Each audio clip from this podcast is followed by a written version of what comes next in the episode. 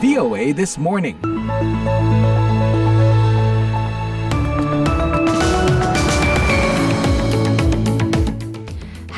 Selamat pagi. Saya Sharon Semolang kembali menyapa Anda di VOA This Morning edisi Kamis 24 Agustus 2023 live dari Studio 17 Washington DC. Saya ditemani produser Bania Rahayu dan teknisi Charleston Mark. Gimana kabar hari ini? Semoga baik ya. Hari-hari ini saya diingatkan pentingnya mengecek kabar anggota keluarga atau teman-teman di sekitar kita. Kita nggak pernah tahu loh sejauh mana pertanyaan sesederhana apa kabar mampu memberi mereka sedikit kelegaan. Anyway, sembari menemani Anda bersiap untuk beraktivitas, redaksi VOA sudah menyiapkan sejumlah berita untuk Anda. The space race is back. India India cetak sejarah daratkan pesawat ruang angkasa di kutub selatan bulan. Untuk momen yang luar biasa ini, saya ingin mengucapkan selamat dengan sepenuh hati kepada 1,4 juta miliar rakyat India. Ada juga tanggapan terkait work from home jadi upaya mengatasi pencemaran udara. Hmm. Solusi daripada polusi ini bukan hanya WFH gitu. Jadi kita memang perlu solusi yang lebih integrated apa saja gitu. Pendengar, siaran ini juga bisa Anda simak secara live streaming di situs kami www.voaindonesia.com atau mampir ke podcast VOA This Morning di platform podcast langganan Anda. Sekarang, yuk kita simak berita dunia bersama Karlina Amkas. Selamat pagi, sebuah jet pribadi Rabu jatuh di Rusia menewaskan 10 orang di dalamnya, kata pejabat darurat. Nama kepala tentara bayaran Yevgeny Prigozhin tertera dalam daftar penumpang. Badan Penerbangan Sipil Rusia mengatakan dia ada dalam pesawat tersebut. Jet yang membawa tiga pilot dan tujuh penumpang dalam perjalanan dari Moskow ke St. Petersburg itu jatuh lebih dari 100 km di utara ibu kota, menurut para pejabat yang dikutip kantor berita Rusia TASS. Mengutip pejabat darurat, kantor berita Rusia RIA Novosti melaporkan bahwa delapan mayat ditemukan di lokasi kecelakaan. Data pelacakan penerbangan yang dikaji kantor berita Associated Press menunjukkan jet pribadi yang terdaftar sebagai milik Wagner dan pernah digunakan Prigozhin lepas landas dari Moskow pada Rabu malam. Sinyal transponder jet menghilang beberapa menit kemudian. Gambar yang diunggah akun media sosial pro Wagner menunjukkan puing-puing yang terbakar tampak sebagian nomor ekor pesawat yang cocok dengan jet pribadi milik perusahaan tersebut. Presiden Amerika Joe Biden mengakui bahwa ia tidak tahu apa yang terjadi terkait kecelakaan jet dan kemungkinan tewasnya kepala kelompok tentara bayaran Wagner, Yevgeny Prigozhin. Tetapi Biden mengatakan bahwa ia tidak terkejut. Nasib Prigozhin telah menjadi subjek spekulasi yang intens sejak ia melakukan pemberontakan singkat terhadap kepemimpinan militer Rusia pada akhir Juni. Kremlin mengatakan pendiri perusahaan militer swasta itu yang bertempur bersama tentara reguler Rusia di Ukraina akan diasingkan ke Belarus.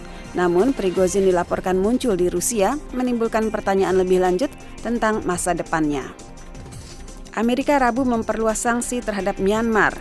Departemen Keuangan menambah dua orang, Hin Pyu Win dan Zhao Mintun, dalam daftar sanksinya serta tiga perusahaan yang terkait mereka. Kedua orang itu terlibat pengadaan dan distribusi bahan bakar jet untuk militer yang merebut kekuasaan dalam kudeta Februari 2021. Junta Myanmar semakin mengandalkan serangan udara untuk menindas rakyat Birma, kata Departemen Keuangan. Departemen itu mengutip serangan baru-baru ini yang menewaskan warga sipil dan memperkirakan bahwa junta militer telah menewaskan lebih dari 3.900 warga sipil sejak kudeta. Para pejabat militer Myanmar yang meremehkan dampak sanksi-sanksi tersebut mengatakan bahwa mereka menarget pemberontak. Amerika dan negara-negara barat lainnya telah menerapkan beberapa sanksi terhadap para pemimpin militer Myanmar sejak kudeta yang menggulingkan pemerintah terpilih secara demokratis yang dipimpin Aung San Suu Kyi.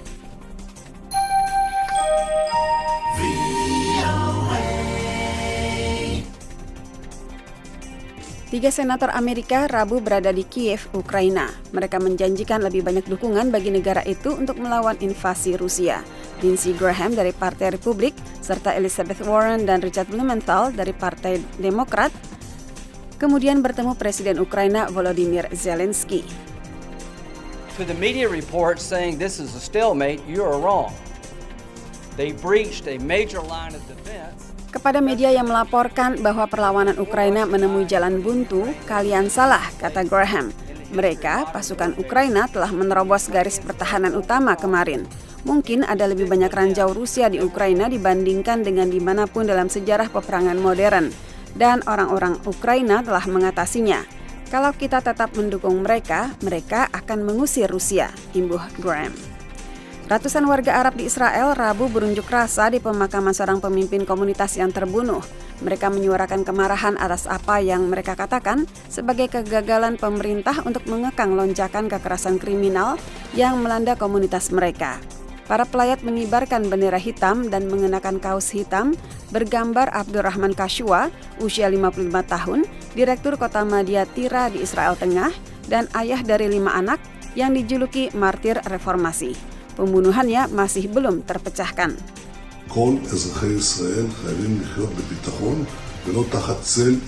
Perdana Menteri Benjamin Netanyahu selasa mengatakan pembunuhan Khashoggi melampaui batas dan menegaskan janjinya akan melibatkan Badan Intelijen Dalam Negeri Shin Bet untuk memberantas kejahatan di komunitas Arab. Semua warga Israel harus hidup dalam keamanan dan tidak berada di bawah bayang-bayang ancaman terorisme internal, kata Netanyahu. Setidaknya 150 orang Arab di Israel telah dibunuh sejak Januari, lebih dari dua kali lipat angka kematian dibandingkan periode yang sama tahun lalu dan jumlah tertinggi sejak 2014. Ratusan ribu orang di Korea Selatan mengikuti latihan pertahanan pekan ini. Khususnya tahun ini, mereka mempertimbangkan perkembangan ancaman nuklir Korea Utara. Latihan Uchi Freedom Shield dimulai Senin di seluruh negeri dan akan berlangsung hingga 31 Agustus. Latihan militer musim panas tahunan ini secara unik menggabungkan latihan perang Amerika dan Korea Selatan dengan keterlibatan pemerintah. Demikian berita dunia VOA Washington.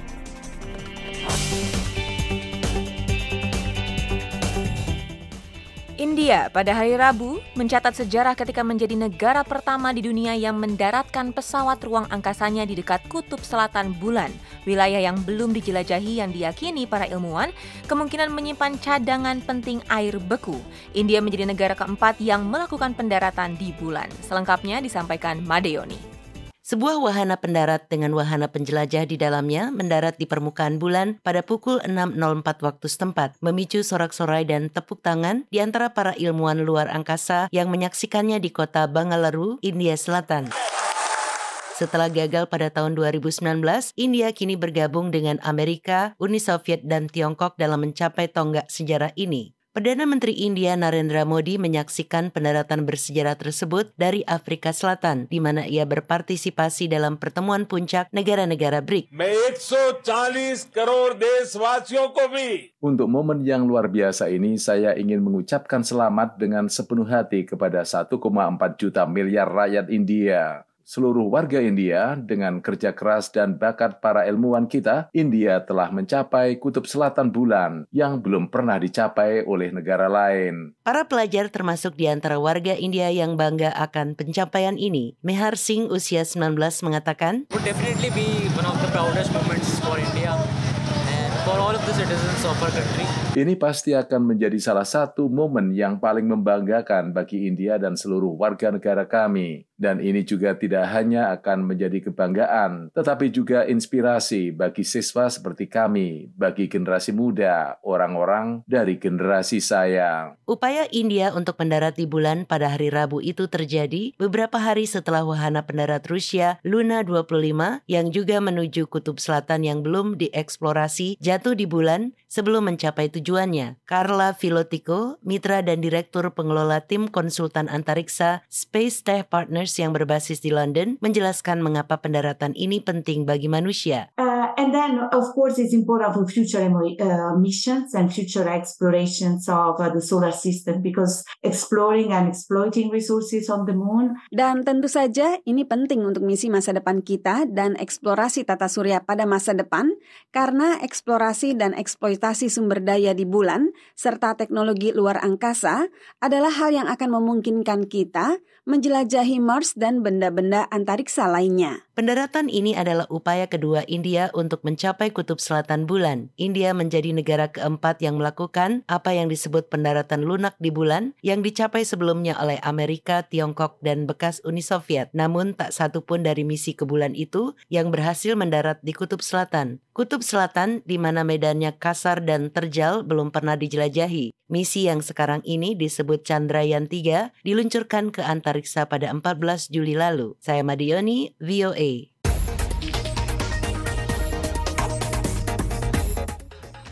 Delapan kandidat calon presiden Partai Republik yang memenuhi kualifikasi siap mengikuti debat pertama di Milwaukee, Wisconsin, Rabu malam. Donald Trump adalah satu-satunya satu-satunya kandidat calon presiden yang tidak akan mengikuti debat ini. Berikut laporannya.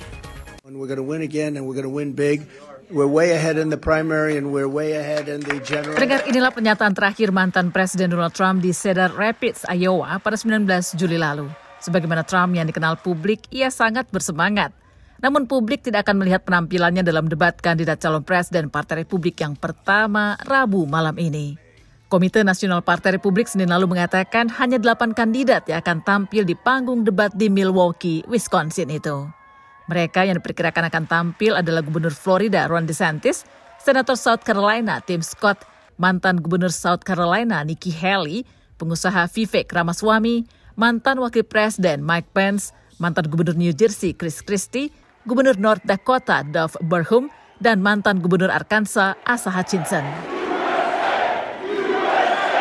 Mantan Presiden Donald Trump, kandidat capres paling unggul di Partai Republik, telah sejak lama memenuhi persyaratan jajak pendapat dan donor. Tetapi selama berbulan-bulan ia telah mengatakan tidak melihat ada gunanya untuk bergabung dengan para pesaingnya di atas panggung debat Fox News itu. Mengingat keunggulan yang sangat besar dalam memperebutkan nominasi calon presiden Partai Republik dibanding kandidat-kandidat lain. Ini akan menjadi malam terbesar dalam persaingan Partai Republik untuk memperebutkan Gedung Putih tahun 2024 ketika para kandidat berkumpul untuk pertama kali di atas panggung debat di Milwaukee. Mantan pakar strategi Partai Republik Ron Bonjen mengatakan Ketidakhadiran Trump dalam debat itu justru membuka peluang bagi kandidat lain untuk memaparkan rencana kebijakan mereka tanpa interupsi.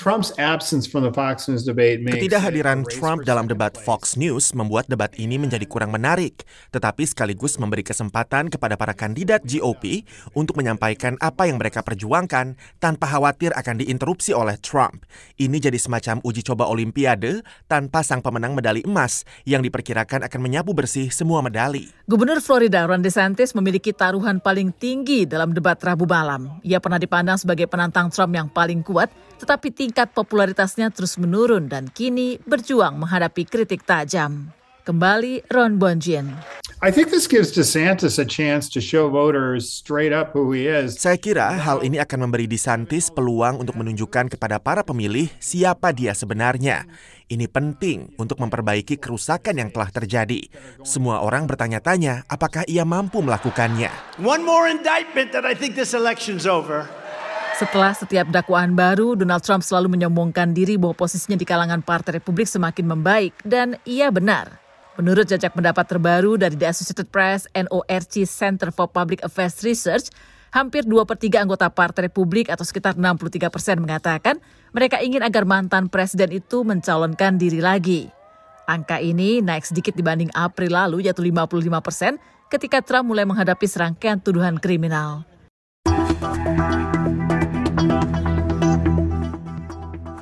Menurut sebuah studi terbaru yang dirilis pada bulan Juli lalu oleh Institut Statistik Nasional Mozambik, 4 dari 10 perempuan menikah sebelum usia 18 tahun.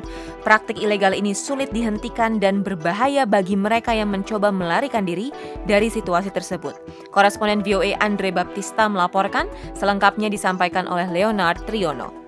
Di kota Manika di Mozambik Tengah, seorang anak berusia 11 tahun sedang hamil 4 bulan. Kepada VOA gadis tersebut yang tidak mau disebutkan namanya karena alasan keamanan mengatakan bahwa dia selamat dari pemerkosaan dan dipaksa menikah. Saya berada di rumah ibu saya.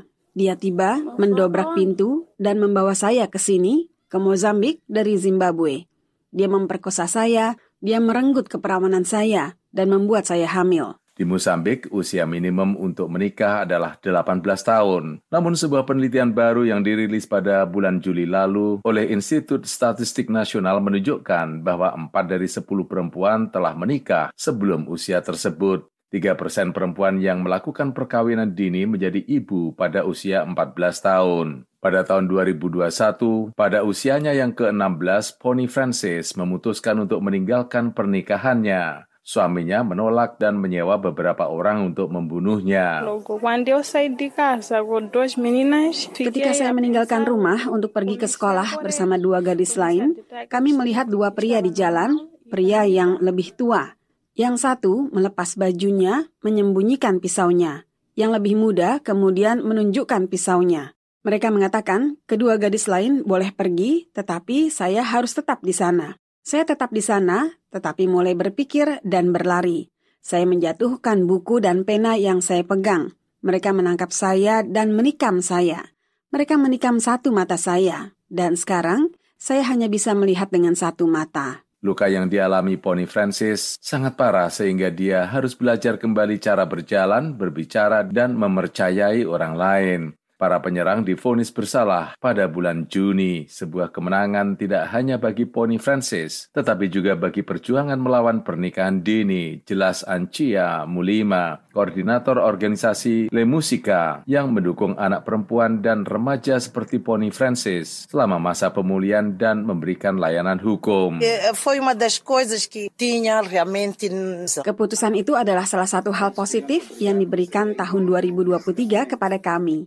Selamat kepada Le Musika karena kami dapat berjuang hingga pengadilan menganggap kami benar dan menyetujui bahwa gadis ini berhak memenangkan kasus tersebut. Kemiskinan, norma-norma budaya, dan penerapan undang-undang perkawinan yang tidak efisien memperburuk masalah perkawinan dini di Musambik, kata Mulima. Kadang-kadang orang tua dari gadis-gadis yang diselamatkan oleh La Musika dari pernikahan dini memaksa mereka kembali terikat dengan laki-laki yang lebih tua sebagai pembayaran utang atau sebagai imbalan mahar, tambah Mulima. Dari VOA Washington DC, saya Leonard Triano.